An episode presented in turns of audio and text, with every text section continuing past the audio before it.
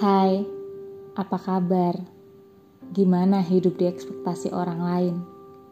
Diatur ini, harus begini, harus begitu.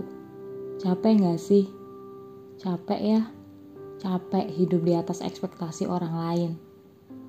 Padahal kita hidup gak perlu memenuhi semua ekspektasi orang lain.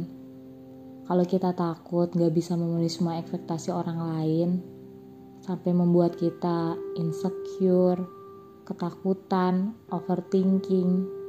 Itu artinya kita belum bisa mengenali diri kita sendiri. Padahal kadang ekspektasi orang lain itu gak sesuai sama diri kita.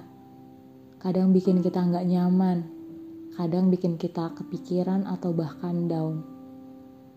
Dan kita sebegitunya buat memperjuangkan atas ekspektasi orang lain Cuma karena kita takut, kita nggak bisa jadi seperti apa yang mereka mau. Terus mereka ngejauh. Atau bahkan mereka nggak mau lagi sama kita. Padahal konsep hidup nggak kayak gitu kan.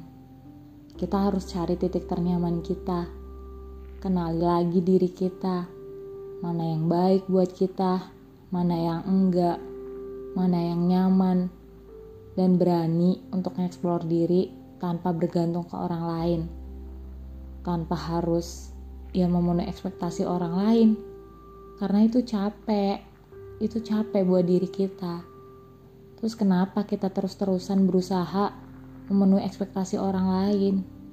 Kamu gak perlu sebegitunya. Kalau mereka menjauh karena kita gak sesuai ekspektasi mereka, ya udah, jangan pusing. Itu artinya mereka gak baik buat kita. Diri kita bukan robot yang harus selalu diperintah. Kita juga punya kendali.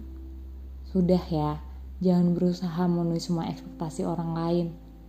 Diri kamu juga perlu berdiri di atas hidup kamu sendiri, di atas pilihan kamu sendiri, bukan orang lain.